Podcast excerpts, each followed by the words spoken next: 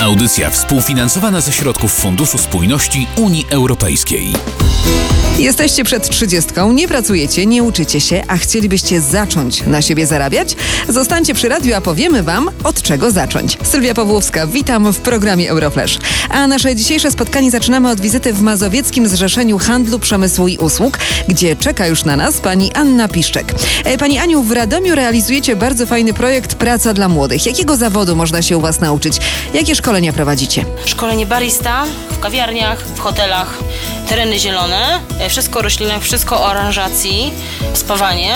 Dobrze płatny zawód, więc tutaj uczestnicy wychodzą jako gotowy produkt na rynek pracy. Jest oczywiście spotkanie z doradcą zawodowym, który sprawdza, jakie umiejętności ma taki młody człowiek i w jakim zawodzie odnalazłby się najlepiej. A czego jeszcze tacy młodzi ludzie muszą się nauczyć, by znaleźć tę wymarzoną pracę? Na pewno w czasie pośrednictwa będziemy opracowywać kompleksowo CV, życiorys zawodowy, listy motywacyjne w różnych wersjach. Nauczymy zachowania się podczas rozmowy, bo często są deficyty w tym, że trzeba wejść, powiedzieć dzień dobry, trzeba się w określony sposób ubrać i w czasie pośrednictwa my uczymy ich tych rzeczy i staramy się dobrać zawód poszukiwany na rynku pracy, a zgodny z preferencjami uczestnika. Później jest staż i prawdziwa praca. Ile trwa taki staż? W projekcie są zaplanowane 4-miesięczne staże. Każdy uczestnik ma opiekuna, który się nie opiekuje. Pracują 8 godzin i to jest wykonywanie pracy, tak żeby on mógł samodzielnie pracować na danym stanowisku. Jest z nami także Agata, która już spełnia swoje marzenia. Agato, zdradź, e, od czego zaczęła się Twoja przygoda z tym projektem? Zawsze się interesowałam kwiatami i znalazłam taki projekt Praca dla Młodych, Tereny Zielone. Jak poszłam na ten kurs, dało mi tu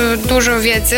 Teraz jestem na stażu, nauczyłam się projektować ogrody. No na pewno chciałabym działać dalej w tych kwiatach. Myślę, że na pewno mi się to powiedzie, ponieważ dużo mi dał ten kurs, otworzył możliwości. Tyle radom, a teraz przenosimy się na Śląsk. Jest z nami pani Wioletta Preuss, dyrektor działu edukacyjnego Prospektor. Pani Violetto, realizujecie projekt z najnowszymi trendami fryzjerstwa na Kto konkretnie może się zgłosić? Kogo szukacie? Projekt jest przeznaczony dla fryzjerów pracujących, ale także dla tych bezrobotnych, bez ograniczeń wiekowych. Zbierane są grupy 10-12 osobowe, które weekendowo przyjeżdżają do Akademii w Mikołowie. To są zajęcia typowo warsztatowe. A jak wygląda już samo szkolenie? Głównie i przede wszystkim skupiamy się na najnowszych trendach strzyżenia.